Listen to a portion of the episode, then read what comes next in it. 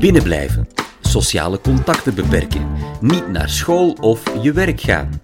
De isolatie heeft een ernstige impact op ons welzijn.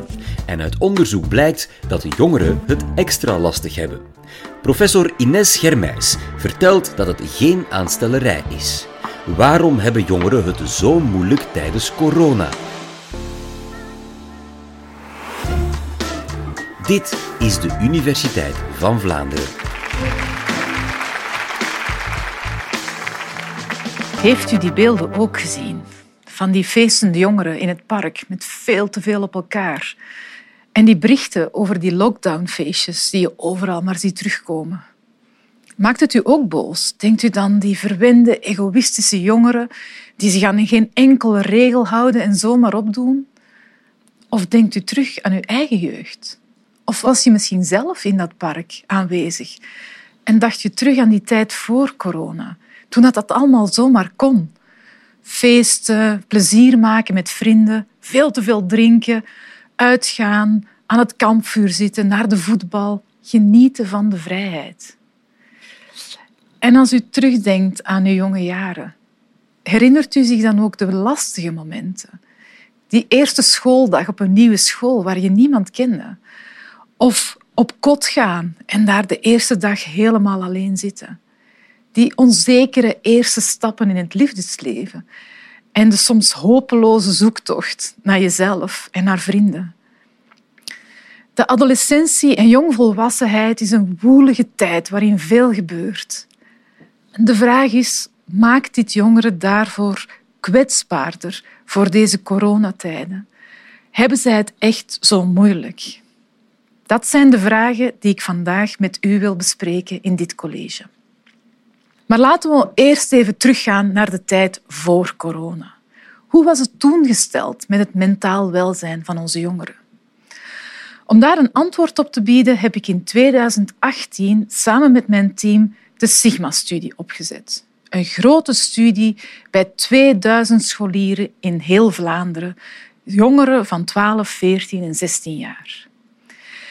Daaruit bleek dat 66 procent van deze jongeren wel eens psychische klachten had.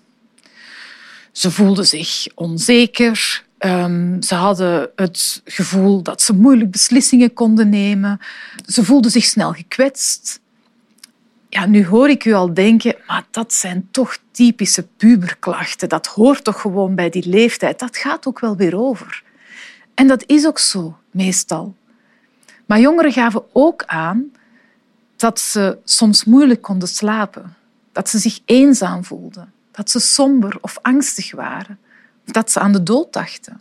Bijna één op vijf van deze jongeren rapporteerde matig tot ernstige psychische klachten. Die kunnen wijzen op een depressie, een angststoornis of een beginnende psychose. We zagen ook dat de klachten toenamen naarmate ze ouder werden. Terwijl slechts 11 procent van de 12-jarigen matig tot ernstig klachten rapporteerde, was dit al bijna 27 procent van de 16-jarigen. En dat is een belangrijke bevinding, want het ondersteunt onze hypothese dat de adolescentie en de jongvolwassenheid eigenlijk een vruchtbare bodem vormt voor de ontwikkeling van psychische klachten, die dan tot lang in de volwassenheid kunnen doorduren. Maar hoe ontstaan die psychische klachten dan? Welke factoren spelen hier een belangrijke rol bij? Een bevinding uit de Sigma-studie toont aan dat sociale factoren cruciaal zijn bij het ontstaan van psychische klachten. Jongeren met goede sociale vaardigheden rapporteren duidelijk minder psychische klachten. Maar sociale vaardigheden die ontwikkel je natuurlijk niet vanzelf. Daarvoor heb je andere mensen nodig om te oefenen en te experimenteren. Bijvoorbeeld om te leren ruzie maken en het daarna weer op te lossen. We zagen ook dat jongeren die veel steun hadden in hun omgeving, dat die zich beter in hun vel voelden. Iemand hebben waar je bij terecht kan, die je steunt, die naar je luistert, is belangrijk om te voorkomen dat psychische klachten ontstaan of verder ontwikkelen. Jongeren met veel psychische klachten brengen ook meer tijd alleen door. Nu, op zich is alleen zijn prima. Je hebt dat nodig om je eigen identiteit te ontwikkelen of bijvoorbeeld om creatief te zijn. Maar heel veel tijd alleen doorbrengen hangt dan weer samen met meer psychische klachten. Psychisch welzijn hangt dus heel nauw samen met sociaal welzijn. En toen kwam COVID. In februari 2020 kwam het virus officieel ons land binnen en op 16 maart 2020 ging ons land in lockdown. Er kwamen verregaande maatregelen om de circulatie van het virus te stoppen, met als centrale component het beperken van sociale contacten. Maar laat sociale contacten nu net dat zijn wat wij allemaal, maar zeker de jonge mensen onder ons, zo broodnodig hebben. Wat doet dat dan met het mentaal welzijn van jonge mensen? Om dat te beantwoorden hebben wij in april 2020 172 jongeren van de Sigma-studie opnieuw bevraagd. En dat leidde tot verrassende resultaten. Het mentaal welzijn van deze jongeren was er niet op achteruit gegaan in die lockdownperiode. Ze voelden zich niet meer depressief. Ze waren niet meer psychotisch. En het angstniveau was zelfs wat afgenomen. Dat lijkt heel goed nieuws. Misschien zijn onze jongeren wel veel veerkrachtiger dan we denken. Maar toch wil ik daar graag twee bedenkingen bij maken.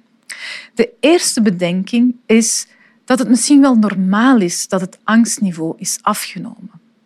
Deze 14- en 18-jarigen, die ondertussen tot die leeftijd waren gekomen, moesten plots terug thuis blijven bij hun ouders. Tijdelijk een rustpauze. Tijdelijk een pauze in dat soms moeilijke proces, maar heel noodzakelijk proces van loskomen van thuis. Even rust, even geen druk van buitenaf, geen druk van vrienden. Terug iedereen veilig in het nest. En dat op zich is natuurlijk helemaal niet erg, dat is prima. Maar de vraag is of dat voor de ontwikkeling op lange termijn wel zo gunstig is. Want uiteindelijk moeten jongeren leren om naar buiten te gaan, om de wereld in te trekken en hun eigen leven op te bouwen. Een tweede bedenking is dat niet alle jongeren het even goed deden. Wat we zien is dat jongeren die een goed contact hebben met hun gezinsleden en een goed contact hebben met vrienden, dat die het veel beter deden op mentaal vlak dan jongeren die dat niet hadden. Maar niet iedereen heeft dat warme nest om op terug te vallen. En niet alle jongeren hebben die sociale vaardigheden al ontwikkeld om die goede contacten met vrienden te onderhouden. Bovendien zagen we dat het echt ging over dat contact met vrienden, het live contact. Want dat is veel belangrijker dan het online contact voor je mentaal welzijn. Het is ook zo dat jongeren die goede sociale vaardigheden hebben, veel meer profiteren van online contacten dan jongeren die het sociaal al moeilijk hebben. Dus over het algemeen, in de eerste lockdown viel het best nog wel mee met de geestelijke gezondheid, maar dat was niet voor iedereen het geval. En toen kwam de tweede lockdown. De solidariteit die we in de eerste lockdown al zagen, die was verdwenen. Alles duurde veel langer dan verwacht. Maatregelen versoepelden, werden dan weer strenger. Er was weinig perspectief, vooral voor jongeren. Er was weinig mogelijkheid tot ontspanning. De regels waren streng en onduidelijk. Bijvoorbeeld, mag je nu wel of niet met je vrienden een kotbubbel vormen? Straffen zijn streng. En de vraag is, wat is daar dan het effect van? De Sigma-studie heeft die jongeren in het voorjaar 2021 opnieuw bevraagd, maar die resultaten zijn nog niet bekend. Toch zijn er gegevens die erop wijzen dat het mentaal niet goed gaat met jongeren. De grote coronastudie van de Universiteit van Antwerpen laat zien dat in de hele coronatijd het mentaal welzijn van jongeren duidelijk slechter is dan van elke andere bevolkingsgroep in Vlaanderen. Bovendien is het zo dat met name de 16 tot 25-jarigen die nog studeren, dat die vooral in de laatste maanden van de tweede lockdown het heel erg moeilijk hebben. En dit is ook normaal, of dit heeft duidelijke oorzaken. Het gemis aan sociaal contact wordt steeds groter. sociaal contact voor jongeren is een basisbehoefte. Het is zoals gezond eten of voldoende beweging. Het is niet erg als dat er even niet is, maar hoe langer dat gemis, hoe langer het blijft duren, hoe groter het probleem wordt. Jongeren voelen zich sociaal geïsoleerd en zeker jongeren die het sociaal al moeilijk hebben, krijgen het steeds lastiger.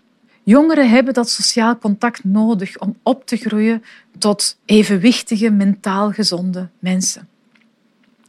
Maar jongeren voelen zich ook niet gehoord in deze crisis. Ze hebben het gevoel dat er niet geluisterd wordt naar hun noden. We zien dat in de maatregelen, zowel in de eerste als in de tweede lockdown, zijn er weinig maatregelen genomen op maat van jongeren. Maar jongeren hebben ook het gevoel dat ze vergeten worden in deze crisis. Meer nog, het thema van psychisch welzijn van jongeren is, blijkt een heel polariserend thema te zijn. Je ziet en hoort reacties zoals dit is een gepamperde, verwende generatie. Ze moeten maar wat harder worden, ze moeten maar wat meer haar op hun tanden krijgen. En de vraag is, waar komt die reactie vandaan? Heeft dat te maken met het feit dat het over psychisch welzijn gaat? Ik denk dat dat een belangrijke factor is. In onze maatschappij vinden we het nog altijd moeilijk om te praten over psychische problemen. Er rust nog altijd een taboe op. Het is iets dat tussen je twee oren zit, dat iets subjectief. En mensen moeten maar wat beter hun best doen, ze moeten maar wat minder klagen. Maar we zien ook dat het stigma op psychisch welzijn van jongeren nog groter is. We vinden het moeilijk om te accepteren dat het niet goed gaat psychisch met onze jongeren. We weten niet goed wat we daarmee moeten doen. Ouders vinden het moeilijk om daar met hun kinderen over te praten, maar de overheid vindt het ook lastig om daar goede antwoorden op te vinden. Zo zien we dat als jongeren um, hulp zoeken voor psychische problemen, bijvoorbeeld bij een psycholoog of een psychiater, dat zij vaak maandenlang moeten wachten op de gepaste hulp.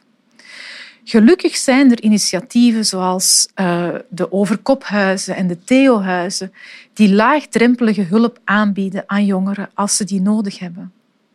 En wat Sigma ons leert, is dat wij allemaal een rol hierin te spelen hebben. Een luisterend oor bieden aan iemand in nood, uh, steun bieden aan iemand dat dat nodig heeft, kan al een heel belangrijk verschil maken.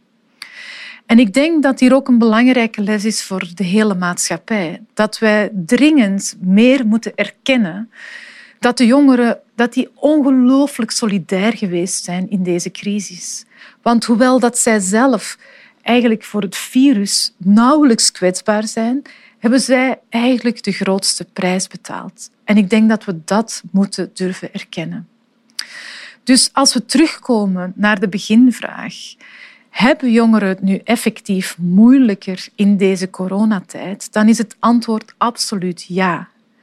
Jongeren worden het meest getroffen door de beperkende maatregelen van de sociale contacten. En dit plaatst hen in een groter risico om psychische klachten te ontwikkelen die tot ver in de volwassenheid kunnen blijven bestaan.